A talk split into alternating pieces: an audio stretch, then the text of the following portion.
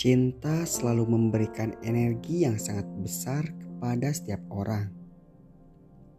Dengan cinta, seorang bisa melakukan banyak hal yang sangat luar biasa. Seperti yang dilakukan oleh William Swilling.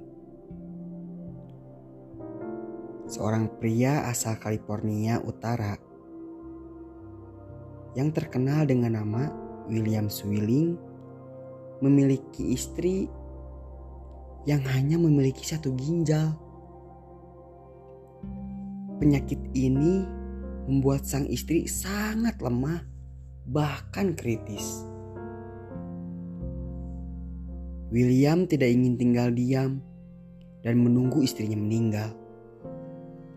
Dia sadar untuk mendapatkan donor ginjal itu tidaklah mudah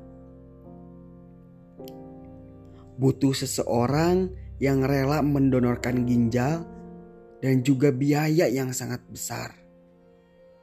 Namun, dia tidak ingin menyerah begitu saja. Dia melakukan segala cara untuk kesembuhan istrinya.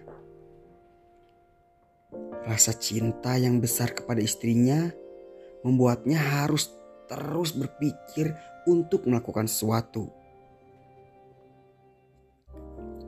William kemudian membawa papan besar yang bertuliskan permohonan kepada orang untuk donor ginjal.